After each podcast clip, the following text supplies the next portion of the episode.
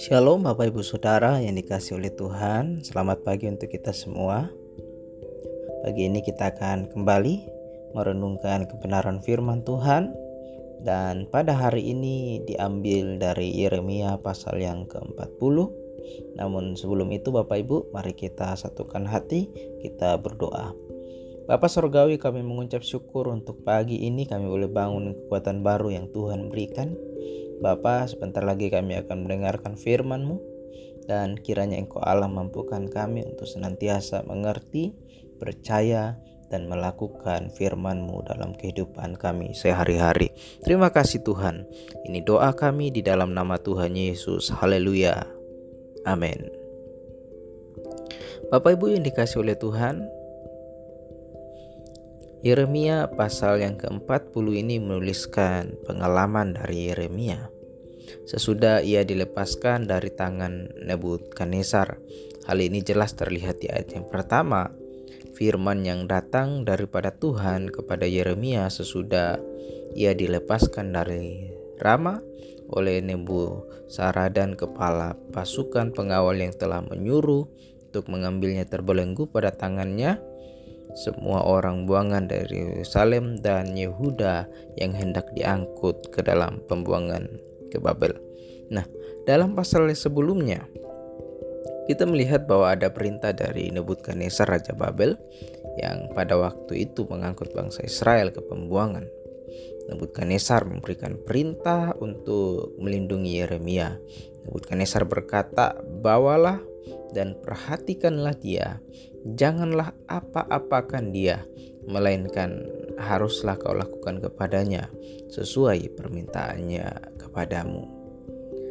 Hal ini bukan tanpa sebab dalam pasal sebelumnya kita juga melihat di ayat yang ke-17 dan 18 di sana Allah berjanji untuk meluputkan atau lepaskan Yeremia dari tangan Nebukadnezar dan di ayat yang ke-18 secara khusus memberitahu kita bahwa alasan Yeremia diluputkan dari bahaya yang akan menimpanya adalah karena kepercayaannya kepada Tuhan.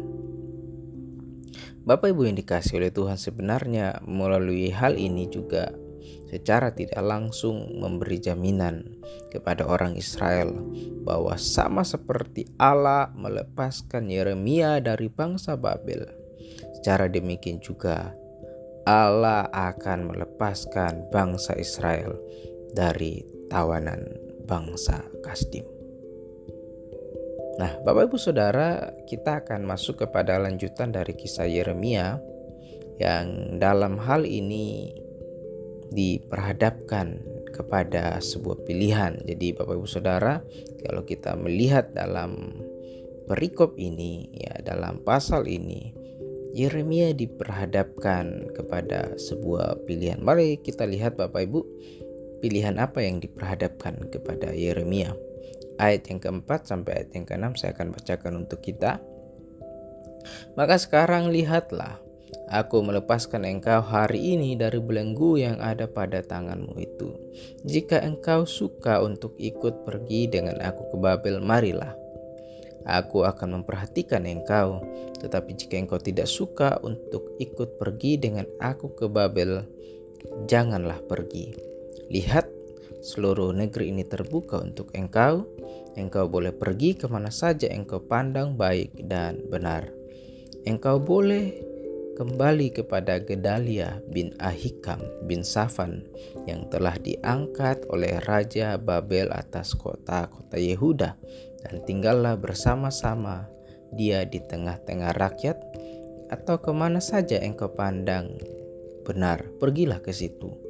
Lalu kepala pasukan pengawal itu memberikan kepadanya bekal makanan dari suatu hadiah kemudian melepas dia pergi ayat yang keenam jadi pergilah Yeremia kepada Gedalia bin Ahikam di Mispa dan diam bersama-sama dengan dia di tengah-tengah rakyat yang masih tinggal di negeri itu.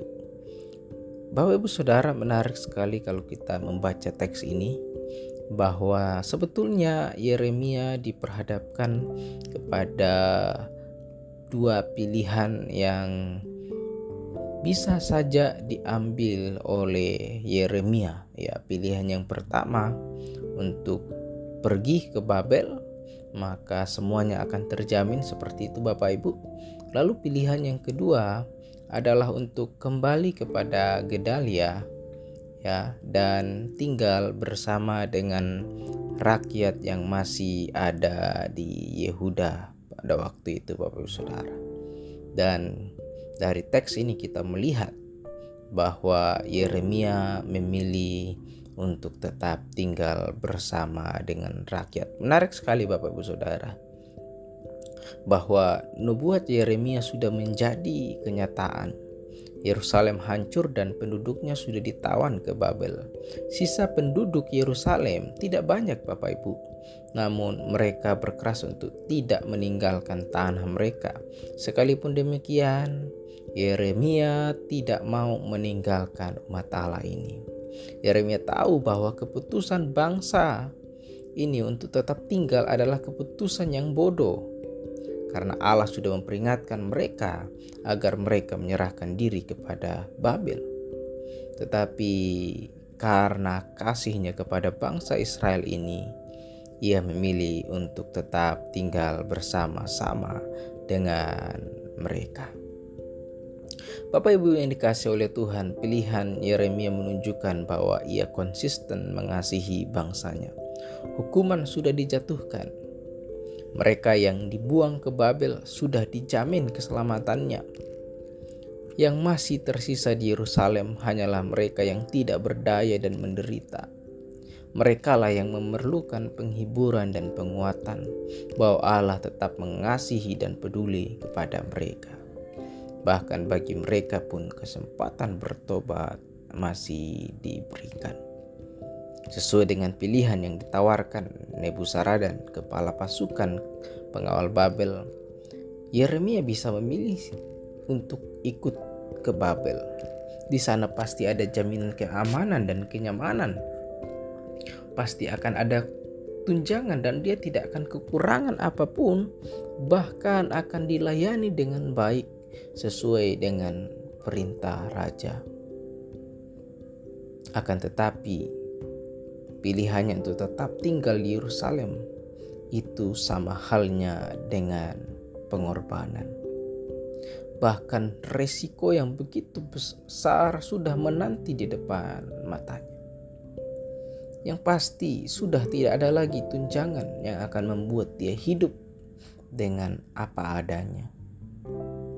Dan bahkan bisa jadi dia akan hidup dalam kemiskinan.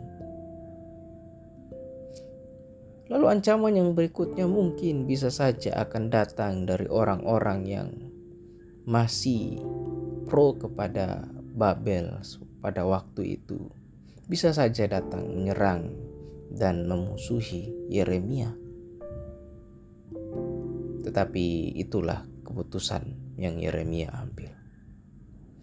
Dan hari ini Bapak Ibu Saudara, Firman ini datang dan mengingatkan kepada kita bahwa Allah sangat mengasihi kita.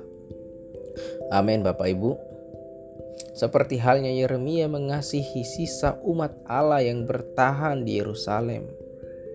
Dalam keadaan apa pun, ketika berkekurangan, ketika kita mengalami sakit penyakit, dalam pergumulan dengan dosa, mungkin kita merasa tidak layak mendapat kebaikan dari Allah.